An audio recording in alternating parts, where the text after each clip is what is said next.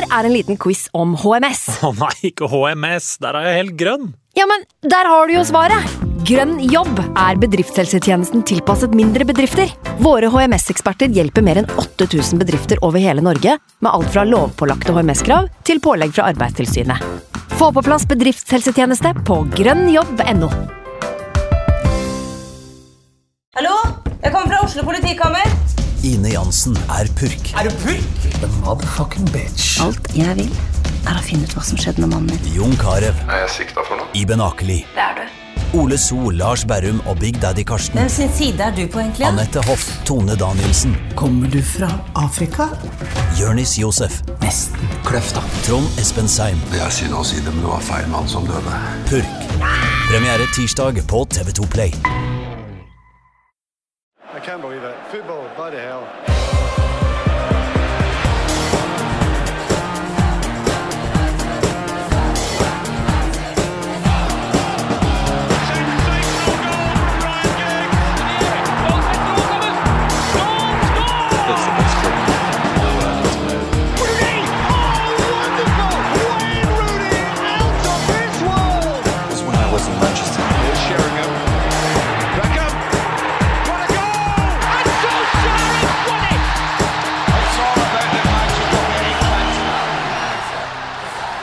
Velkommen tilbake til United We Podcast. Jeg heter fortsatt Ken Vasenius Nilsen. Eh, Anders Serener heter fortsatt Anders Serener.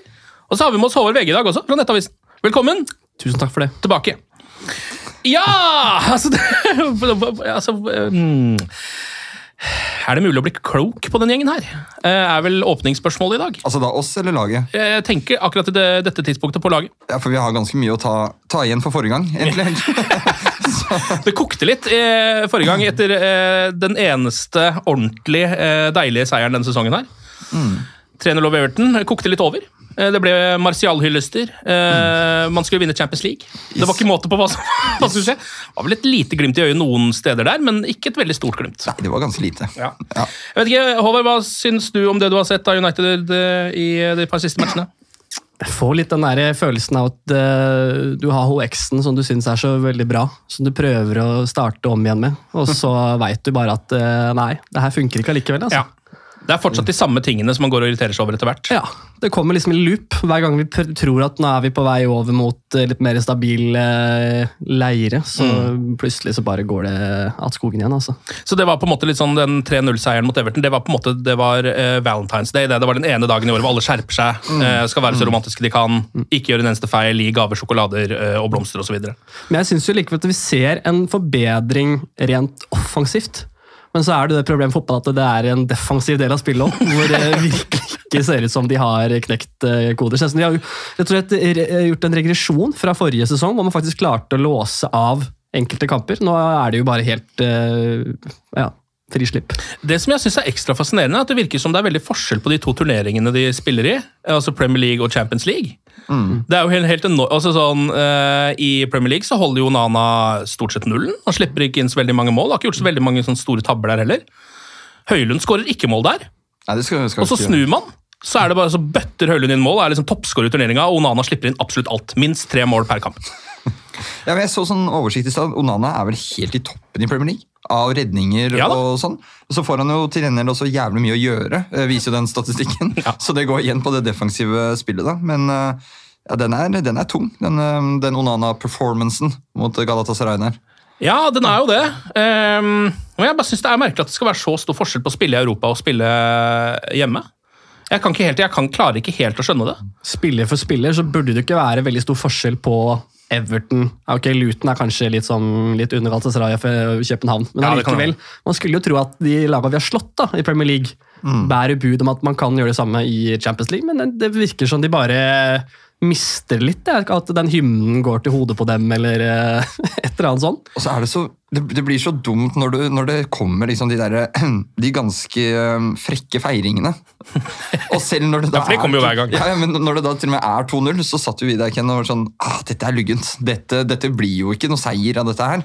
Ja, Vi har jo sett det før. da. De har vel leda 2-0 i er det to andre kamper eller noe sånt i Champions League denne sesongen. her. I hvert fall én, eh, som jeg kom på. eh, Og har jo leda opptil flere av de ved flere anledninger. Fem av dem har de vel leda som mista ledelsen. Ja, ikke sant? Som jo er helt uh, ellevilt, egentlig. Men Eh. Kanskje de må ha en sånn, en sånn der, eh, mental coach inn, eller noe sånt? Det, Altså, dette har vi jo om før, men de har da vel for pokker en mental coach? Har de ikke Det det? er på Altså. Det er på overtid i så fall. ja, var, ikke det, var det ikke snakk om at det var noe Ten Hag faktisk henta inn? Ja, men altså, da, da, jeg, da må han Da må vi sjekke, da, da må vi sjekke CV-en. Fordi det der det funker jo ikke i det hele. Det minner meg om en sånn Espen Eckbo-sketsj hvor han jobber for Flexus eller Ruter.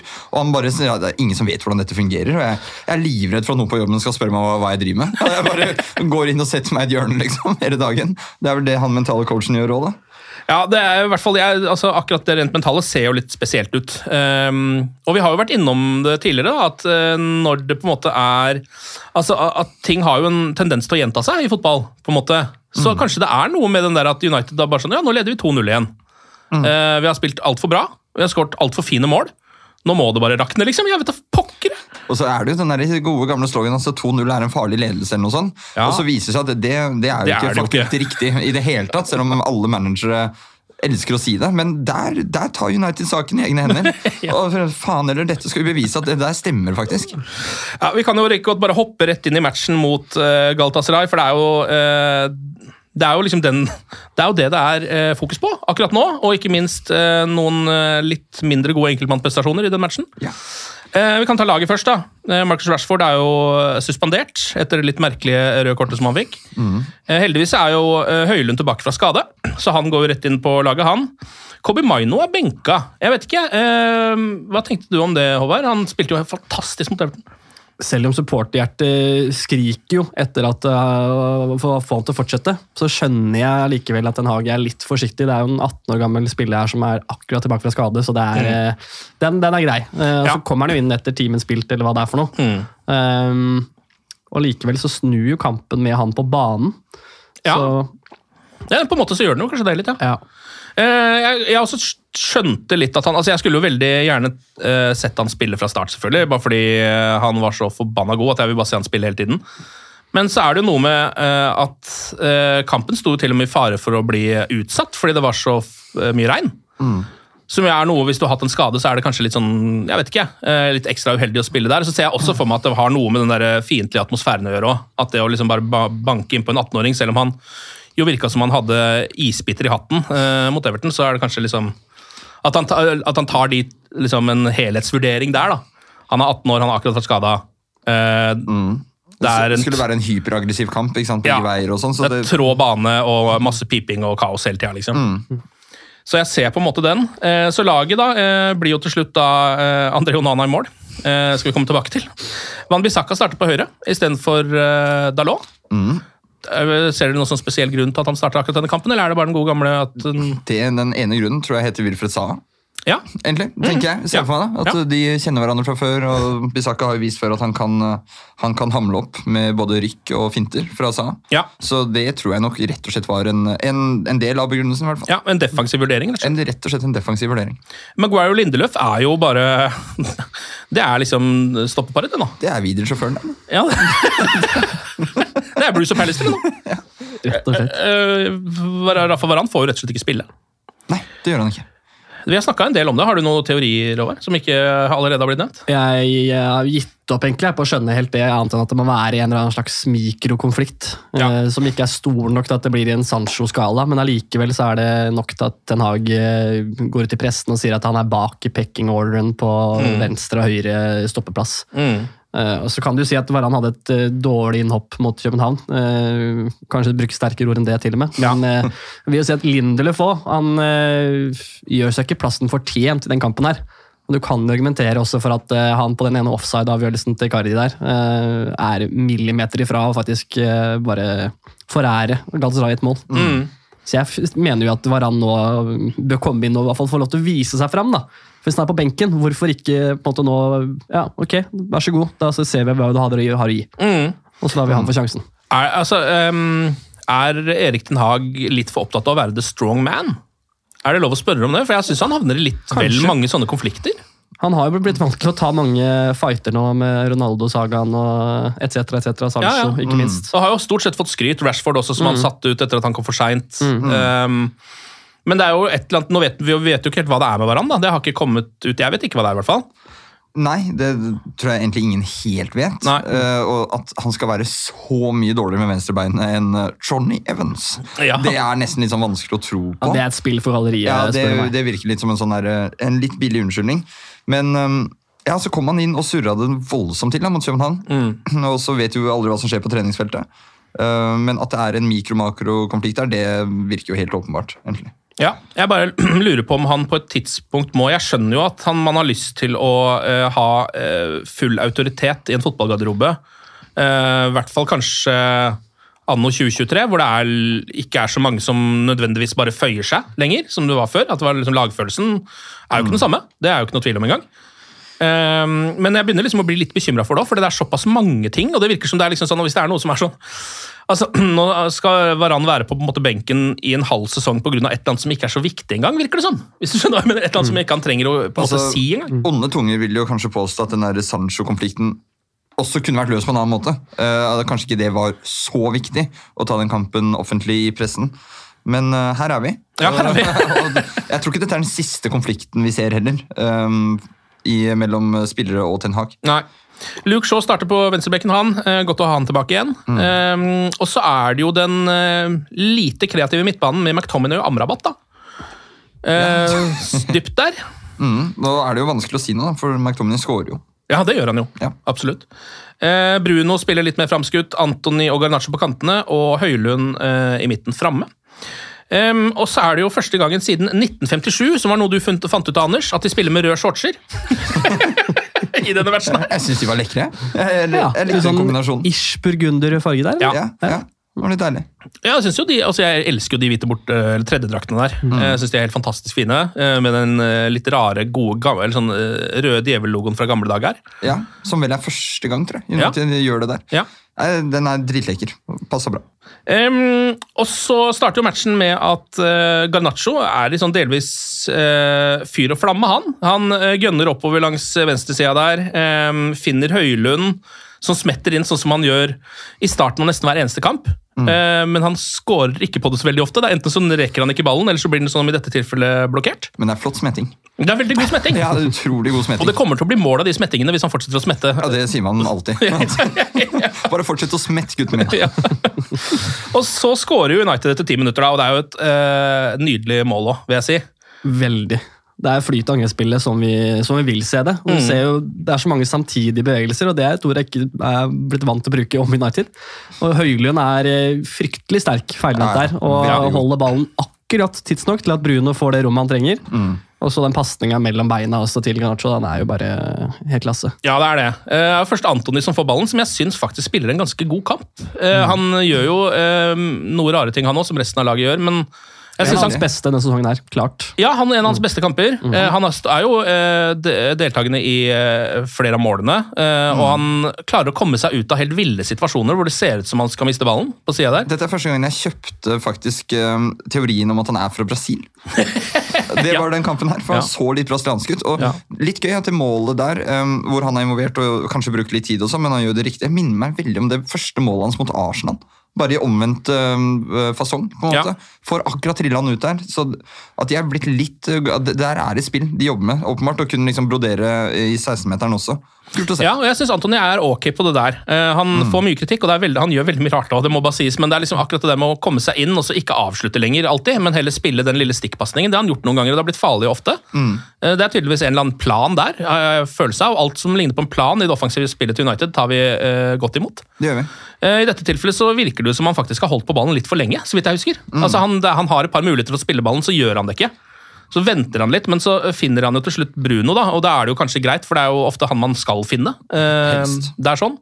Han eh, finner igjen eh, Høylund, som bruker styrken sin, holder unna midtstopperne.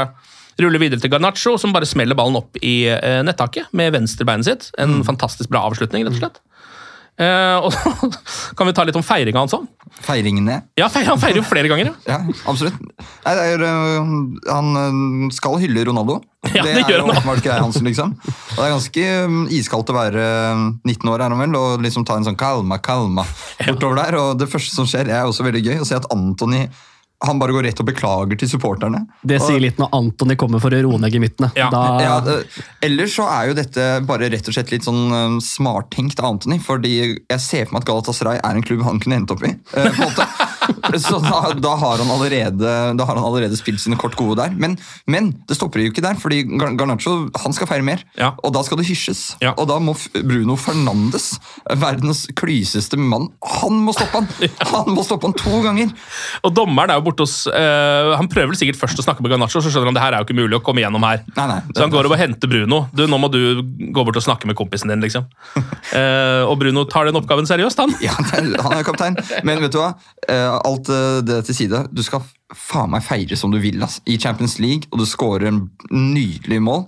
Ja, Da skal du få lov til å hysje og, og kalme og hva enn du vil. Vi Ja. må ha det i idretten. Altså. Jo da, jeg, jeg, altså, jeg har ikke noe mot det nødvendigvis. og jeg er ikke noe sånn, eh, altså, jeg skjønner altså, Å feile sånn provoserende foran eh, hjemmefansen, sånn type Adebayor-style, at du løper over hele banen og gjør det, eh, og har spilt for den andre klubben før, det kan kanskje bli litt vel mye. Men jeg er enig det skal være lov å feire. Eh, samtidig så er det jo bare noe med at når man spiller mot sånne lag som Galtasaray eh, hjemme, og Liverpool f.eks., så skal man gjøre alt man kan for å ikke få de opp på tærne. Altså, Du skal gjøre alt du kan for at ikke de skal bli gira og egentlig begynne å gi litt faen og gi opp litt. Det er jo det som er oppgaven din nesten som spiller da. Så jeg tenker Hvis du bare feirer, løper rolig tilbake, og de bare er sånn Å, nei! Så er det egentlig mye, veldig mye bedre for Manchester United. Ja, Sånn der god gamle sånn 1960-feiring, hvor de løper Ja, fem meter ja. og så bare Hoi! Hoppe og en gang med begge armene opp, Ja. rett ned igjen. eh, Og bare gode gamle løpe tilbake til midtstreken-feiringa. ja. Hoi! Det er veldig bra. Ja, for det er jo, altså, De girer seg jo opp. Jo, altså, de hadde nok fått en grunn til å gjøre det uansett i den kampen. her. Det er jo ikke det at det, den feiringa der gjør at de girer seg opp. De var ganske gira fra før. men... Det, det eh, var et par supportere som jeg tror hjalp til med å gire hjemmelaget opp i den kampen. her. Ja, det var jo det. Eh, og så er, er det noen voldsomme sjanser som jeg føler er sånn eh, sigende for hvordan denne kampen her etter hvert blir. Eh, etter bare 14 minutter, da er det Galatasaray som har sin første sjanse, eller sjanser, må man jo nesten si. Og Det er litt sånn jeg ikke helt klarer å eh, Det er vanskelig å gjenfortelle, for det er så kaotisk, det som skjer. Jeg vet ikke helt hva det er engang. Jeg tror det er Torreira som først er på første stolpe. Etter et innlegg som Onana redder med en slags refleks. Kommer vel litt sånn rett på han, på en måte. Ehm, og så er Maguire der og redder delvis på strek og prøver å klarere. Men bare tupper den liksom via noe greier og opp i armhulen på Scott McTomney. Ja. Eh, Så det er liksom et par ganske store sjanser, og så er det en hands claim. eh, Og det er bare totalt kaos med en gang. Mm. Jeg vet ikke om VAR en gang, altså VAR sjekker det noe sikkert, men vi får ikke den der VAR-sjekken. Champions League er jo mye mer hva skal man si, sånn effektive der. Det er ikke den der at man hele tiden skal stoppe opp og du skal bort til skjerm, og det er, liksom- ting går litt mer sånn Litt smoothere. litt smoothere. smoothere. Og så tror jeg VAR-folka sitter der med beskjed fra Uefa ferskt i minne at eh, ok, gutter, nå må vi være strenge i Og hens-avgjørelsene våre Ja. eh, etter denne fadesen i eh, I Newcastle-matchen, ja. Ja. For det var jo helt katastrofe, rett og slett. Eh, Og her er det vel litt det samme. at det er sånn, Jeg vet ikke om ballen treffer jo kanskje så vidt hånda hans, men den er jo på en måte også Nokså oppi inntil, og f- Ja. ikke noe arm som søker ball, eh, sånn som jeg ser det. Nei, og den treffer også litt av kroppen hans. Samtidig sånn som det ser ut sånn, da, for vi får ikke noen ordentlige repriser på det. Det er liksom bare Men jeg var fortsatt sykt overrasket over at det ikke ble straffe. Ja, selvfølgelig. det, det Vi var, er United vi snakker om. ja, det er United vi snakker om, så der, eh, den funka. Og så, bare tre minutter etter det, eh, så virker det som det begynner å koke litt hos Andre Onana, eh, som har et utspill som er altså bare helt eh, elendig. Yes. Eh, Rett på en Galatasaray-spiller. Eh, og det er nesten sånn at Icardi bare er alene med keeper og kan runde annen, men han rekker den jo heldigvis så vidt før den. Og her begynner det liksom å bli litt sånn Her leder United, men begynner allerede å ja, koke litt, syns jeg. da. Det er liksom eh, Man merker at det er, det er ikke sånn at de kommer til å stikke av med tre poeng i den matchen her hvis det fortsetter sånn som er akkurat der Skal du ikke kon- kontrollere denne kampen din. Det går jo tydeligvis ikke. Nei, det, er, det, det skal ikke an nå. Og United også i denne perioden spiller veldig mye langt. La dere merke til det i starten av matchen. De prøver ikke å holde på så mye ball. og sånn. Jeg vet ikke om det er fordi det er så mye kok og så mye press at det rett og slett bare uh, ikke går. jeg. Eller om det er en plan om å Polen. Jeg vet ikke. Det har jo vært en gjentagende figur også, føler jeg, tidligere i sesongen. At United har slått tidvis mye langt og Mm. ikke prøvd å spille bakfra. Og så kan det være ja, litt sånn forståelsesfullt i akkurat denne kampen her, fordi Galatasaray-spillerne ble jo voldsomt fyra opp av Mm. eh, hjemmefansen og kommer på sånne impulsive pressløp mot uh, Onana. Ja, Så kanskje det var en taktikk at de på en måte skal bes Beskytte han litt, rett og slett. Ja. Ja. Og så tror jeg nesten også at det handler litt om midtbanen vi hadde. At, Ja, det, det, altså McTominay og Amrabat. Ja. Jeg vil ikke nevne navn, men eh, ja, absolutt de to. At eh, her har vi jo ikke de store ballfordelerne da, som vi Nei. kan ha i en litt dypere Om det skulle vært Eriksen eller, Eller Maino. eller Maino liksom. At, um, og så tenker jeg at det var en blanding av det og forholdene. Ja. At det ga litt mening over Polen i den kampen. Ja, det var vanskelig for oss å vite hvor vanskelig det var å spille på den banen. Eh, Fordi det så helt grusomt ut før kampen, eh, og den der U-kampen som var eh, i forkant der, der var det jo helt totalt altså, det var, eh, 80-talls eh, championship-stemning, på en måte. En kamp som så ut som ble spilt rett før Noahs ark seilte av gårde. Det er faktisk det er helt sykt at den kampen her gikk i det hele tatt. Men nei, det, jeg tror nok at det var tyngre forhold enn vi ser fra skjermen. Og noe som jeg også tror, liksom, Det ser vi også de siste 20-30 minuttene av kampen. Så er det jo bare helt kaos. Ja. Det, er, det er ingen som prøver noe etablert angrepsspill, eller, eller i hvert fall ikke forsvarsspill da, for United. Så det, jeg tror nok det var røffe forhold. Ja, det tror jeg også. Eh, og så eh, Midt oppi alt dette kaoset så skårer United 2-0. da. Et helt vilt mål av Bruno Fernandes. Eh, langskudd, jeg vet ikke om det er fra rundt 20 eller noe sånt. Ja, i hvert Kanskje. fall. Knallhardt eh, med en ordentlig god dupp og litt skru. Eh, I nærmeste, ikke kryss, da, men nesten så nærme han kommer. Det er, ikke så ofte man ser skudd fra akkurat den posisjonen i nærmeste. Nei, Jeg elsker jo å sammenligne mål med mål, eh, og det minner meg litt om Rooney mot Arsenal for Everton. Ja, Eh, ja! Det er, han, Det er riktig, det. eh, debuten hans, vel. Ja, det er litt sånn Litt samme dupp-teknikk. Ned i Eh, venstre hjørne. ja. Ja, Bare sånn knuckleball fra helvete. Ja, En blanding av knuckleball og eh, ja, med, med litt skru, liksom. Det er en ekte fuck you. ja. Er det sånn, denne skal inn. Denne mannen skal inn. Og den føler jeg vi strengt talt har venta på fra Bruno Fernandes nå. Han mm. har jo vitterlig det inne i sitt repertoar. ja. Så det veldig mye tidlig da han kom. Skjøt han mye mer enn han har gjort, kanskje. Mye Eh, mer da enn egentlig i senere år, syns jeg. Ja, ja. Altså, husker da han var på vei til United? Alle de compilationene man så, det var jo for det meste bare kremmerhus.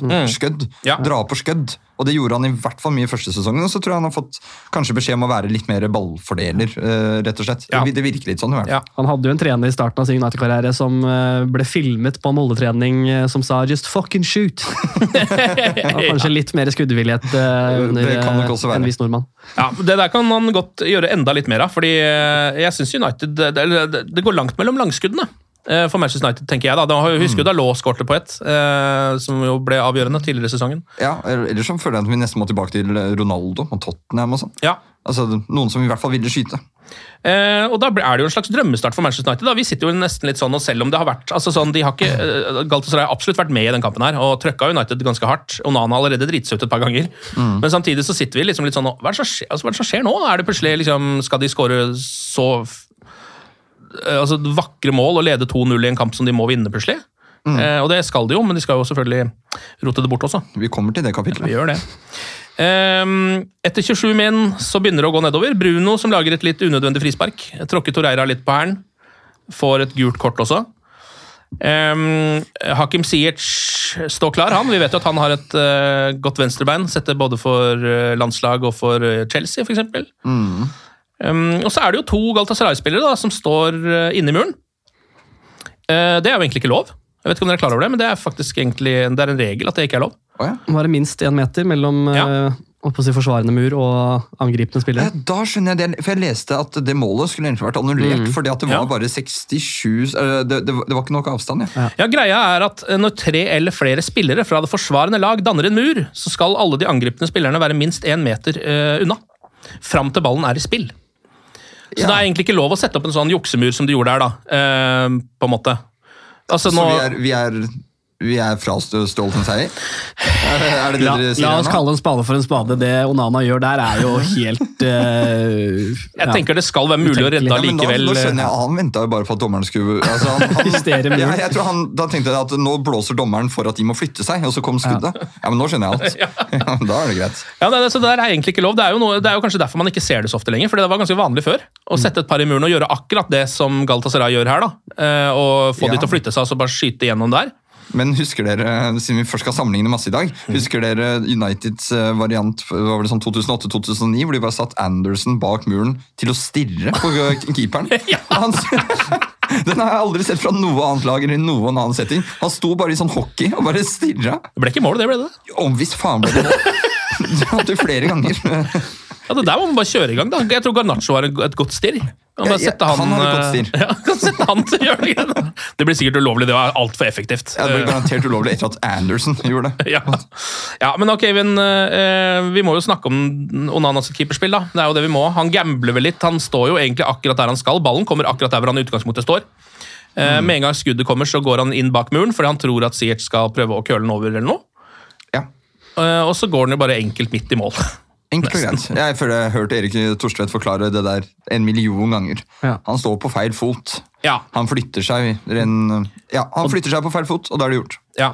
Og det er jo utilgivelig som en keeper, for hvis han hadde bare gått den på en måte normale veien, som er der hvor muren ikke står, Mm. så kunne han blitt unnskyldt om ballen hadde flydd over muren og opp i det lengste hjørnet. Det er helt riktig, for det er veldig mye vanskeligere å få til. Nettopp. Eh, Sånn at det liksom nesten ikke skal være mulig med mindre du har et drømmetreff. da. Mens det, Det- treffet ja. han har, er jo det enkleste treffet i verden. Altså det er sånn Alle kunne ha scoret på det frisparket der hvis, hvis Onana hadde gjort akkurat det samme. på en måte. Og det var ikke sånn at Siers tenkte sånn Yes! idet den ballen forlot eh, foten hans. Nei, nei, nei, nei. Det er bare sånn, det er en sånn sleive. Ja, Han treffer jo ikke ordentlig bra engang. Nei, nei, nei, ikke det helt tatt. Men han går jo for det. da. Han går for å skyte mellom de eh, spillerne, altså gallaspillerne i muren mm. og håper at Onana skal drite seg ut. og Det er akkurat det som skjer. Jeg føler man ser litt på feiringen til Siers både på første og andre frisparkmålet hans, at han er litt sånn avmeldt. Ja. Det er en tidligere lagkamerat han har akkurat satt to ja, tabber på, må vi kunne kalle det. ja, For de var i Ajax sammen, de. Ja. ikke sant? Det, er, ja, det kan nok stemme, det, ja. Han er ikke oppe og hytter neven eller tar det 60-tallshoppet rett opp i lufta, som Anders eh, Nei, det er snakket om. faktisk sant, Mm. Han kjører ingen, ingen eh, Cristiano Ronaldo Garnaccio-feiringer. Eh, Som også hadde vært litt sykt. eh, en su på, på det målet der. Um, ok, men da er det, står det 2-1-brått, eh, og man begynner å skjelve i buksene og se hvilken vei dette her kommer til å gå, og så håper man bare at uh, mønsteret skal brytes. Men det gjør det ikke. Um, etter 38 minutter så er jeg på toalettet, Eh, og når jeg kommer tilbake, så sier du, Anders, at nå gikk du nettopp glipp av André Onana som gjør en slags Zidane på midtbanen. Den var lekker. Jeg sa vel ikke Zidane, Ken. Eh, Jeg sa at han, eh, han tok en vending. Ja, En slags piruett eller noe? En, en Zidane? En, eh, en, en Cruyff, tror jeg. En. Cruyff-vending? Ja. En fattigmanns Antony-spinn. ja, en veldig fattigmanns Anthony-spinn. Var han, var, var han bare liksom langt ute, og det var en uh... Det var en corner til United, og så eh, står han da åpenbart på midtbanen og følger med på den. Og så havner ballen hos han, og han bare ganske kaldt vender av en Icardi sikkert, eller Det ser ut som han er på bærtur først, Ja. men så fullfører han på en måte bare piruetten. Ja. Og dermed er motspilleren eh, driblet av. Ja, det er jo røft. og- Altså det, det, skal jo, det må jo sies at den fyren her har jo Han gjør mye rart, men for noen pokkers baller på mannen, da. Altså sånn, Nå har du nettopp driti deg hardt ut, det er bare noen få minutter siden, og så er du på midtbanen og bare ja, bare, bare det at du Bare tenker, står bare vurderer å gjøre det der i det hele tatt. Helt sykt. Eh, Men det blir jo masse surr for United. Dette er tydeligvis at eh, de blir prega eh, av det målet. Eh, Sånn føler jeg det har vært litt. United, de kampene hvor United har leda sånn som dette her, i Champions League med to mål og sånn, så er det jo en tabbe da, som skal til. Et rart rødt kort, eller en eller annen, en eller annen skal drite seg ut, på en måte, for at det skal rakne. Og det er jo det som skjer her også.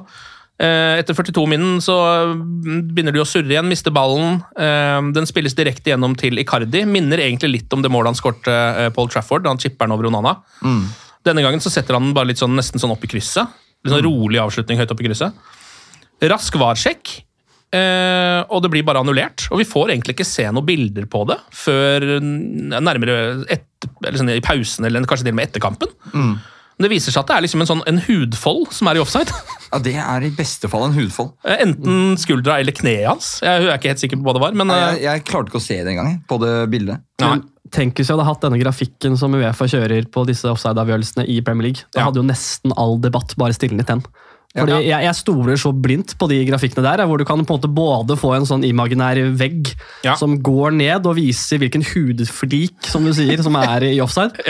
Ja. Eh, og da forsvinner jo all eh, grunn til debatt, da, istedenfor disse pikslete strekene vi tegner Mm. Ja, opp i League. 100, 100%. Ja, og så går det så fort. Og det er det jeg syns er så innmari deilig. Det Hvis det hadde gått så fort i Premier League, så vet man at det er noe gærent. Ja, ja. Da er det liksom eh, Da er det uh, Tottenham mot Liverpool. uh, Da er det Louis Diaz-tilfeller, på en måte. Men dette var vel også et system som Premier League sa nei til, tror jeg. Altså, De ville ha litt mer sånn De ville fucke det opp litt De ville gjøre jobben sjøl, Ja. og det ser vi jo er kjempegøy. Eh, uansett, uh, United går til pause med ledelse Uh, i Istanbul. De leder 2-1. Eh, selv om Galatasaray leder skuddstatistikken ganske så kraftig. Har den ikke akkurat her, men det er noen, vi snakker om noe sånn opp mot 10-3 eller noe sånt, kanskje. Sikkert. Ja. Og så er det en nervepirrende start på andre omgang, selvfølgelig. Hvor Galatasaray trøkker på noe voldsomt. Men så scorer United etter 55 min. Nok en gang i et ganske så glimrende mål, vil jeg si. Det er ikke noe køddemål Manchester United skårer i den matchen her. Uh, Anthony som blir uh, spilt fri i mellomrommet der. Han slipper den videre til Van Bissaka, inn til McTominay, som sklir inn sånn som uh, Høylund skal gjøre, på en måte. Eh, og setter den inn til 3-1. Eh, og akkurat der og da, eh, folkens der, skal, der, har, der har Manchester United vunnet den kampen her. De har jo det. Altså Alle andre lag hadde vunnet en kamp. Altså, sånn, Og da mener jeg nesten sånn, Det er det samme om det er Manchester City, eller om det er FCK, eller om det er Brentford, eller om, altså, eller om det er Moss. Når du leder 3-1 der, etter alt det greia Kanskje ikke Moss. Kanskje ikke Moss.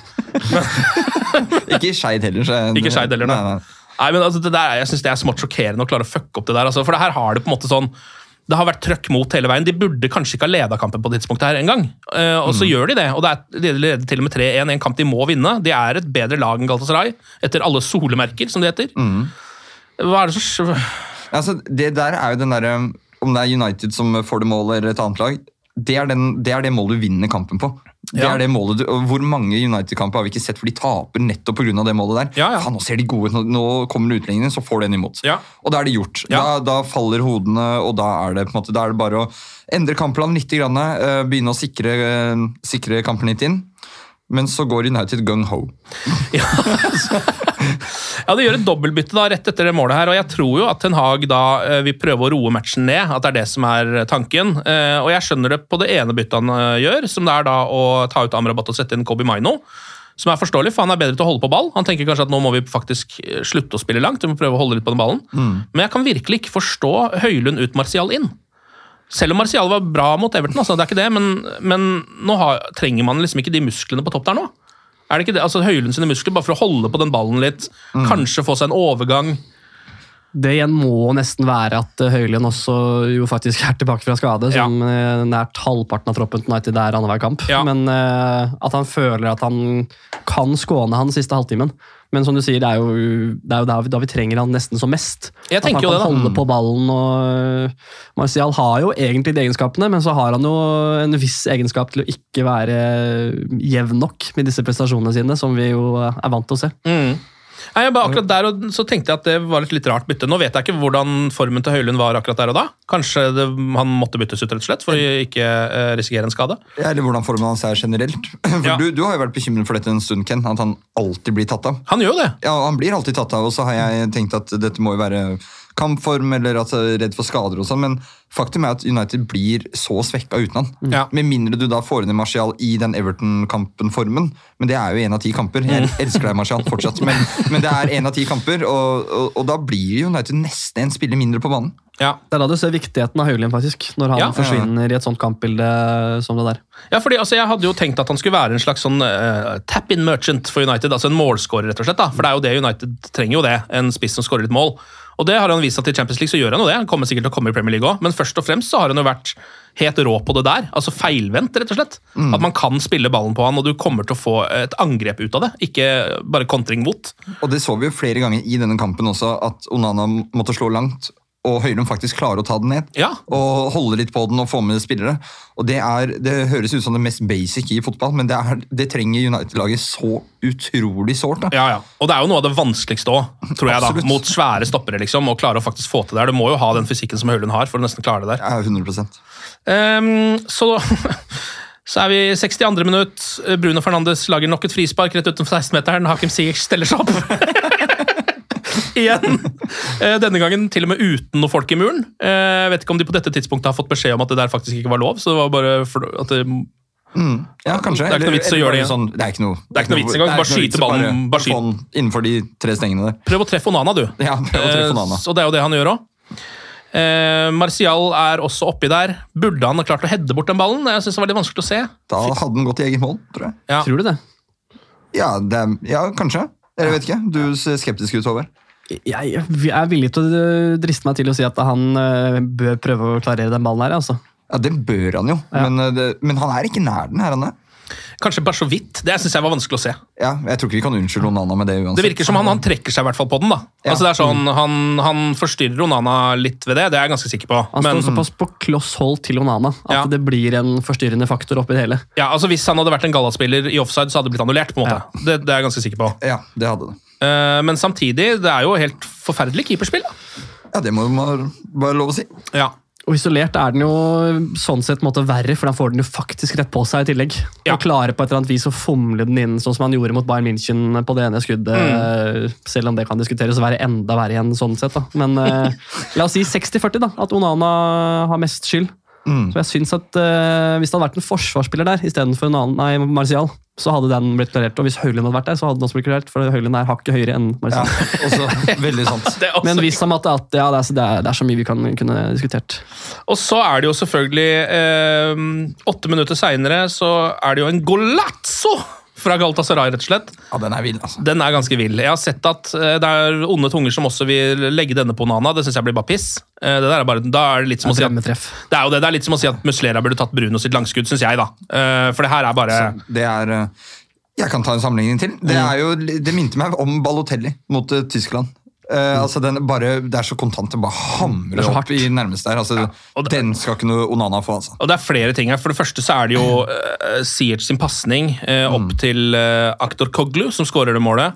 Mottaket hans igjen er også helt vilt. Ja, er helt Den første touchen er helt vill. Det er et Fifa-mål, liksom. Ja, men den, Det der første touchet der, det tror jeg ikke han skjønner selv. Nei, det tror ikke jeg heller. Det bare skjer. Og siden han får til det, så tenker han nå må jeg også bare skyte. Ja, 100% Og den smeller jo rett i hjørnet, den. Det er en slags kunstskåring, rett og slett, eh, vil jeg si. Men altså, jeg, jeg tenker at Hakim Siers gikk inn i denne kampen og tenkte at United de trenger en høyre ving. Ja. Det har de trengt i mange år. Jeg kjenner Ten Hag. Nå bare leverer jeg eh, mitt livs kamp. Ja. Han var så god. Han var veldig god, ja. Han var helt vanvittig god. Han var sånn uh, fra FM back in the day god. Ja, men Nå fikk han jo også mye hjelp da med to gratis mål eh, og på en måte en pasning som han slår som er ganske bra, men det er, det er på en måte eh, Aktor Koglu som gjør det målet der også. Ja, Han skal få litt æren for målet, det skal Ja, ja. han, den avslutningen der. Men uh, nei, Ziyech var veldig god. Han var et uh, uromoment hele veien. Etter dette her så blir jo kampen altså noe av det rareste jeg har sett, vil jeg si, eh, i Champions League spesielt. Det blir nesten som så litt sånn eh, barnefotball. på en måte. Altså All taktikk er bare rett ut. Det er bare gung-ho. Det er liksom Ja. Uh, alt mulig strategi bare rett ut av vinduet, og bare omgjøre å løpe mot ballen fortest mulig. virker det som. For Det er, det er siste mål vinner de siste 15-20 minuttene, eller hva det er. Ja. ja, ja. Det er den følelsen, rett og slett. Det var, veldig, det var veldig gøy å se på folk rundt oss som så på kampen, for det var som å se på publikum som ser på tennis. Ja. Det, var liksom bare sånn fram og tilbake. Det var flere som ble sånn fysisk slitne der. Og, nei, det, var, Det er, noe av ikke noe, det er ikke noe godt tegn, det. i Nei, det er ikke veldig godt tegn. Nei, altså Alle United-supportere som så på det der, må jo ha blitt litt sånn smågærne i huet, men jeg tror alle som eh, var objektive fotballsupportere, elska jo denne fotballkampen. For det er jo noe rarere jeg har sett, rett og slett. Altså, det er sjanse på sjanse på sjanse de siste 20-25 minuttene. eh, Og det er på en måte liksom, det er bare sånne kaossjanser. Det er ikke lenger de der 'oi, nå er det godt spill' fra et av laget. Det er bare, det er bare surr og rør. Jeg følte at begge lag, hvis de bare klarte å holde altså, tre-fire pasninger, så var du foran mål. Da var det sjanse. Ja, da, da var det en sjanse. Og det er jo det som skjer, og Garnaccio skytter over etter 75 minutter, 76 minutter, McTominay like utafor. Eh, 78 minutter, så er det altså, Det bare er fullt kaos hele veien. Masse, masse United-sjanser. Eh, Garnaccio uh, blir bytta ut. Uh, Pelistri kommer inn um, etter 78-79 minutter. Van Bissaka ut og Dalot inn, og både, Garna, eller både uh, Pelistri og Dalot får umiddelbart ganske store sjanser. Altså, bare sånn så rett inn på med én gang. Med en gang. Eh, først så er det Dalot som ikke får avslutta, så vidt jeg kan huske. Uh, får ballen inn i 16 sted. Og så er det Pilistri som bare går og går og går. Går av et par-tre mann. Og når han endelig får muligheten til å avslutte, så er det en ordentlig sånn slapp jævel. Å, det var så slapt. Ja.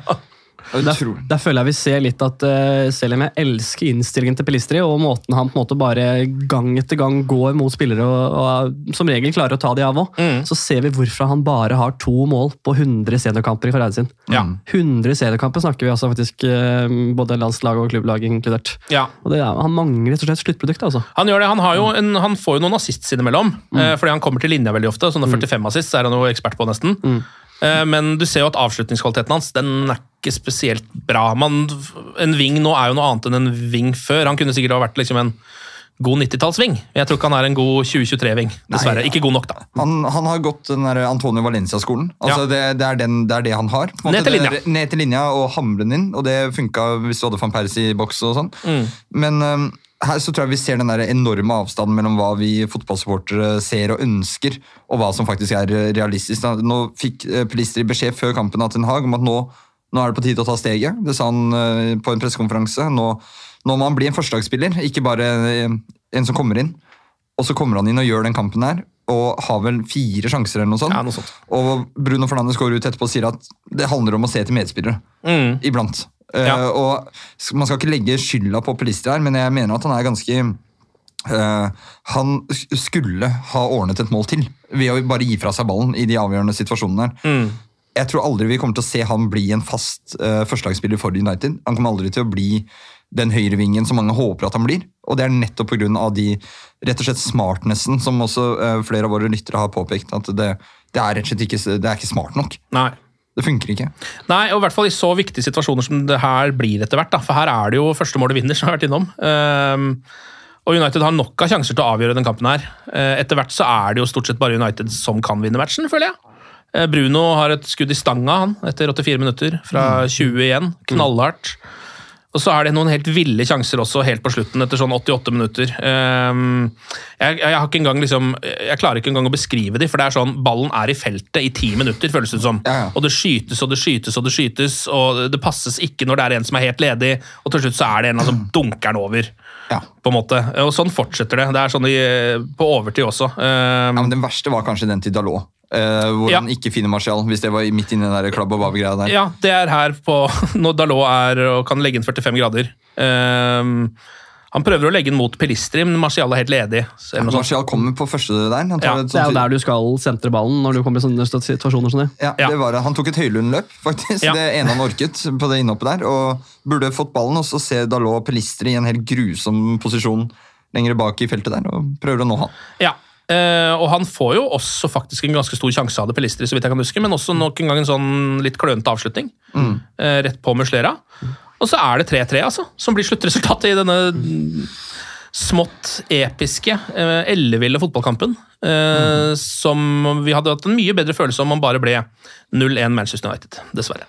Ja, for det, er, det hører med til historien at dette var en must win, Ja, rett og slett. det var det. Det, det vil si eh, Nei, vet du hva? Ja, ok. Få fram uh, Det vil si, ja, Nå må United da slå Bayern selvfølgelig Ja. uh, i siste runde. Det kan jo for, for så vidt skje, men da må FCK og Galatasaray spille uavgjort. Det er det eneste som uh, må skje for at United skal gå videre. Det er litt synd at vi fortsatt har det der teoretiske håpet. For da klamrer man seg til noe som på en måte til slutt, uh, bunn og slutt bare ja. Ja. Men, seg. men er det, for å se på den andre siden, er det noen mulighet for at vi kan nå unngå Europaligaen? Vi kan havne på fjerde. Det er vel bare å tape mot Bayern? da? Bare tape.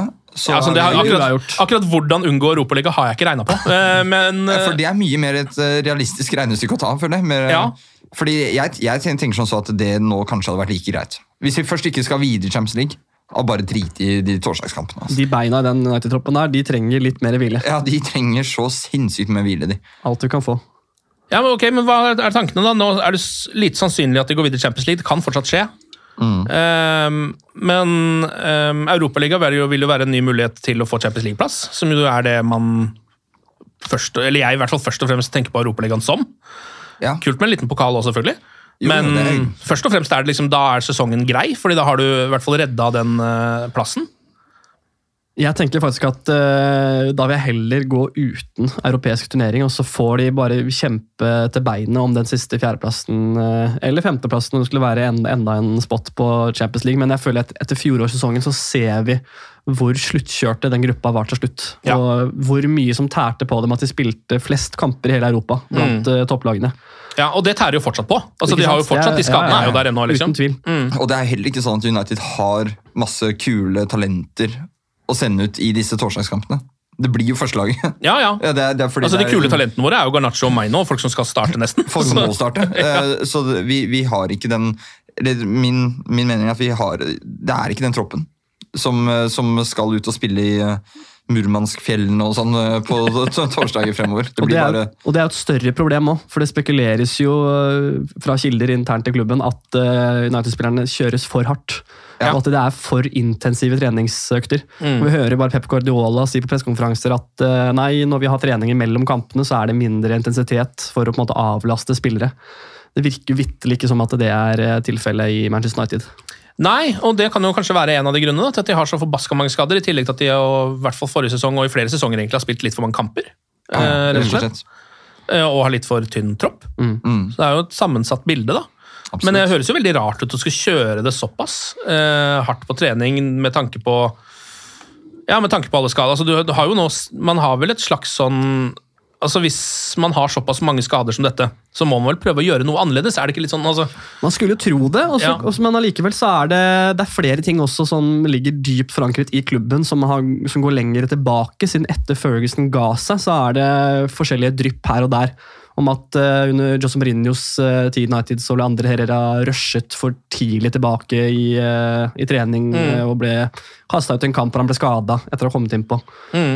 Og det er flere slike tilfeller hvor det har eh, ja, også sikre eller usikre kilder som i hvert fall eh, vil ha det til at eh, det er ting som ikke er som det skal da, i både på en måte, det medisinske og fysiologiske apparatet i United. Og det ser vi også med Lisandro Martinez for eksempel, denne sesongen, eller eh, Malaysia, som nå opererer igjen. Og Ja, han har er fått et til- tilbakefall, rett og slett. Malaysia. Ja, ja, han, der surres det. Og han der, hva enn han får i lønn, han der gamle Arsenal Medical-fyren som kom til United, det, han får lønn fra to steder. Det er jeg ganske sikker på. Men nå har jo våre, våre venner i eh, Uno-podden det har eh, kommet med en sak i dag hvor det snakkes litt om akkurat dette her. da, at Fangal Van Gaal han er en kompromissløs eh, Nei, Van Gaal, sier jeg. Ja, det er han òg, for så vidt. Men eh, Ten Hag er en kompromissløs eh, fyr. Det drilles hardt på treninger, og det, og det skal være ganske rigid. Det er ikke noe rom for å, det er ikke noe sauna mellom kampene her. Nei. Det skal jobbes. Og i Ajax så hadde han tross alt ikke det like intensive kampprogrammet man har i Premier League. Da kunne han hvile nærmest eh, hele troppen i kampene mot bunnlagene og enkelt vinne de. I Premier League så er det ingen slike. Hvis du hviler lag, hele laget ditt mot Luton, så får du jo en i fleisen. da. Da får du sjong i fleisen. Det gjør jo det. Men eh, vi må jo snakke litt mer om keeperplassen. Eh, det er, jeg tror det er veldig mange nå som kunne ønske seg å se noen andre enn André Onana stå der. Altså jeg, jeg tror alle har, eller Ikke alle, da, men jeg tror veldig mange også har en slags sånn sympati for han, for det er jo litt vanskelig å bli klok på. Han har jo noen veldig gode kamper nå, har han jo egentlig vært i sin beste form på lenge. Og så kommer dette, liksom. Eh, som er litt sånn Det her er jo litt sånn utilgivelig. altså Jeg, jeg føler det er litt Karius. Skjønner, Det er litt sånn at du kan, Karrieren din kan ødelegges av dette. Du kan godt nå, Hvis United begynner å benke deg nå, så kan den, du er delvis ferdig. altså. Ja. Eh, For det er såpass tydelige feil eh, som han gjør. Eh, Det er jo fortsatt folk som snakker om at er det ikke bare å hente inn David Hea igjen, da? Um, Skal vi ta den diskusjonen en gang til? Nå har det jo skjedd noe igjen. Ja, nå har det skjedd noe igjen. Men alt jeg har lest fra uh, gode journalister på United, um, de sier jo at United-trenerteamet er veldig imponert over andrekeeperen vår, Altså Bayendir? Bayendir. Ja. Han skal være rett og slett jævlig god, og har en god innstilling og leverer på treningsfeltet. Han står jo enormt bra for landslaget. Mm. Kanskje det er på tide? Ja, altså, ehm, Da David Hea kom Han ble jo etter hvert en veldig veldig god keeper. Eh, og Så ble han litt dårligere igjen, og så ble han god igjen. Men uansett da, i starten der, så han, Man må jo ikke glemme at han hadde en veldig trøblete start. Altså, den Første sesongen hans så tror jeg veldig mange United-supportere bare var gira på å sparke han eh, rett tilbake til Atletico igjen. For han var for veik, eh, og gjorde lignende tabber som Onana faktisk gjør nå. Ganske mange. Ganske mange av de også. Mm. og da var det vel et tidspunkt der hvor han rett og slett ble benka, var det ikke det? For min navnebror. Ja. Ja, Anders Lindegård kom inn. ja. Og gjorde, han, han var jo også en trygg keeper. Men jeg husker også da de reaksjonene som kom inn, hvor dårlig gjort det var. på en måte, og sett ut. Så hører du med til historien at da var vel DGA 20, ja. Eller noe rundt der. Det er forskjellene. Ja, Det er den store forskjellen. Eh, Onana skal vel etter hvert komme inn i sin beste alder. Og han er jo rutinert. Han har spilt Champions League i flere sesonger, han har spilt i flere klubber. Så det å se, den, um, se disse tabbene hos han nå, syns jeg er litt mer urovekkende ja, jeg er enig i det. enn det var hos DG den første sesongen.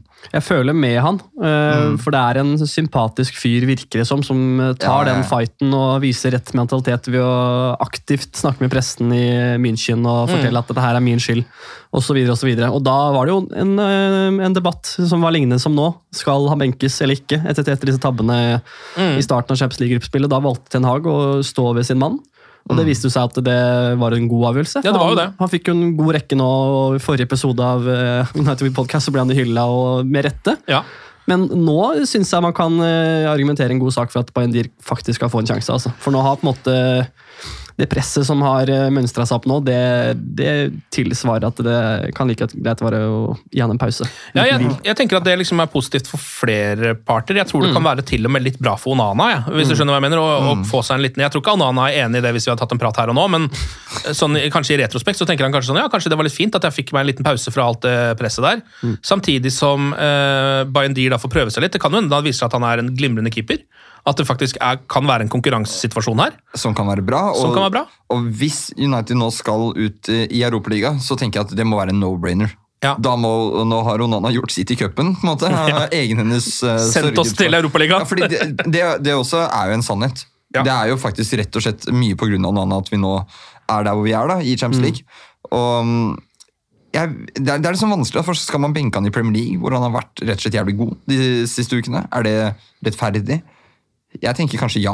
Altså, for selv om det er keepere, så er de jo spillere i et lag. Ja. Og du er eh, aldri bedre enn eh, det du var i forrige kamp. Nei, Og så skal vi ikke glemme at André Onana skal i, til Afrikamesterskapet. Jeg skal han det? Jeg skjønner aldri helt om han skal eller ikke. Jeg tror han skal det. Siste med signalene jeg har lest, er at han er eh, med troppen til den turneringa. Ja. Ja, da, da da er trenger det- vi jo Bayendier i kampform. Og da Ja, hjelper det ikke å få inn en sånn Ørjan Nyland-case at uh, ja, jeg står ikke på klubblaget, men hei, her skal jeg plutselig spille viktige kamper. Nei, jeg er enig i det. Eh, så da kan det jo faktisk altså da, Vi får jo se, da, men da kan jo den situasjonen på en slags måte løse seg litt eh, elegant også. Ved at man ikke faktisk trenger å vrake han. Eh, hvis, man klarer å holde, hvis han klarer å holde ut fram til da, da. Så kan eventuelt Bayendir spille såpass bra at han tar over plassen hans. Det får vi jo se på. da. Mye mulig. Det er mye mulig. Nå er det eh, to kamper eh, på, eh, i løpet av kort tid. Det er Newcastle borte nå på lørdag, altså i morgen eh, klokka ni. Og så er det Chelsea hjemme på onsdag kvart over ni. Ja. Det er ganske, eh, ganske vanskelige kamper. Newcastle borte og Chelsea hjemme. Mm. Eh, hvor mye tror dere United lar seg påvirke, nå som de faktisk har vært i helt glimrende Premier League-form, av den matchen her mot Galatasaray? Jeg, jeg, jeg blir ikke klok på dette laget. det, det er, det er, jeg føler at det er helt umulig å si. Jeg, jeg kjenner ikke noe sånn stor optimisme nå uh, før denne Newcastle-kampen. Det er en ganske tung Det var et tap uh, nå, dette 3-3-oppgjøret. Et, et sugentap, mm. til og med. Så om de har en fighting-form tilbake, aner ikke. Kollapser de? Mye mulig. Kan, det, det, er, det er helt umulig å si. Jeg tror faktisk at uh, ved tap med dis med, på disse to kampene som er nært forestående nå, så lever Erik Den Haag uh, nokså farlig, altså. Ja. Vi får snart uh, sir Jim Ratcliffe inn uh, med team uh, Ineos, som skal eh, rø- røske opp i ting eh, i klubben. Mm. Og røke ut til Champions League og tape mot to lag som man kjemper om de samme plassene eh, som. Mm. Da tenker jeg, da begynner det å ringe i eh, de røde bjellene. altså. Mm. Ok, Skal vi avslutte med et lite resultattips? da? Vi trenger ikke å ta begge kampene, men Newcastle borte eh, nå i morgen klokka ni. 2-0 til pause og 3-3. Det er et solid tips, det. Det er vanskelig å hoppe etter Wirkola, men eh, ja. Pessimisten i meg sier 1-2, og det er sagt fra en optimistisk mann i utgangspunktet. Ja, altså Tap 2-1. Ja. Ja. Jeg snur på det og tror det blir 2-1-seier. Eh, faktisk. Jeg bare jeg, bare jeg har en følelse at de altså sånn, eh, de har, Jeg syns de har sett såpass decent ut i Premier League i det siste. Syns de så eller var mye relativt god fotball også mot Galatasaray, så i en helt sånn kaotisk, surrete kamp. Jeg vet ikke om den kampen faktisk kan hvis du skjønner, men jeg vet ikke om den kampen representerer noe. For den var så utrolig rar. Ja, den var så veldig rar. Det, det, det kan være en sånn one-off-kamp. Ja, Det er det jeg kanskje tror litt. Men for å snu, eh, jeg blir optimistisk hvis jeg ser uh, Kobi Maino i startoppstillingen Ja, kontra Amrabat. er livsviktig nå jeg har for å bare få lyst til å legge til det uh, at Amrabat er ikke god nok. Nei. Han kan nesten ikke starte kamper på midtbanen vår. Mm. Og jeg vil igjen, jeg må bare nevne at disse Uno-folka det er, De har kilder på flere i Italia som skal ha vært ganske forbauset da han ble henta til United. Ja. Altså at Dette er en mann som ikke takler det tempoet i det hele tatt. Og det ser man altså så tydelig. Jeg, jeg, er, jeg er faktisk nesten sjokkert over hvor lite han bidrar med Ja, ja. på midtbanen. Og, og hvis han starter på Newcastle da har vi et kjempeproblem. Han hadde én sånn eh, Mbappé VM-takling mot Galatasaray, husker jeg. En. En. En hvor han liksom følger hardt, hardt, hardt, og så bare knaller takling. Som er det jeg på en måte tenker at man skal se han. da. Det er liksom hans uh... det blir en kort sånn compilation-video på YouTube. Ja. eh, For da blir det én takling. Men samtlige, meg selv inkludert, ble lurt rett uh, ut Ja, av den, der, Ja, ja. den taklinga der. Ja, ja. Jeg tenkte her har vi vår mann. Han Ja, ja. har United-hjerte. Det- Dette, dette løser alt. Ok, nei, men Vi får uh, satse på at de kommer seg helskinna gjennom de to uh, matchene, her, sånn at ikke sesongen blir avspora nå som den akkurat har kommet seg på sporet. For det hadde vært litt for Manchester United for meg. Det vet jeg ikke om jeg orker. Rent mentalt, dere! Rent mentalt. Rent mentalt. Ok, Anders og Håvard, tusen takk for praten, og glory, glory.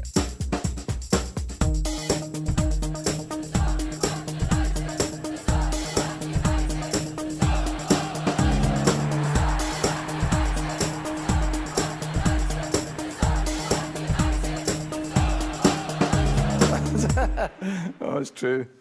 I've seen many things. Moderne media. Ukens annonsør det er matkasseleverandøren Hello Fresh. Der kan du velge mellom 25 ulike oppskrifter hver uke, eller få Hello Fresh til å sette sammen en meny for deg. Jeg sparer tid på å handle, oppskriftene er veldig enkle å lage, og så får jeg akkurat det jeg trenger da, til hver eneste rett, så jeg slipper å kaste så mye mat som jeg vanligvis gjør. Det er også litt deilig å faktisk slippe å gå på butikken, ikke bare fordi det er tidkrevende, og sånn, men fordi man ender opp med å kjøpe så mye greier som man egentlig ikke trenger, sånn som fire poser eh, Smash og en kick med havsalt, for eksempel. Det er ikke det du egentlig er der for, du er der for å kjøpe, kjøpe middag.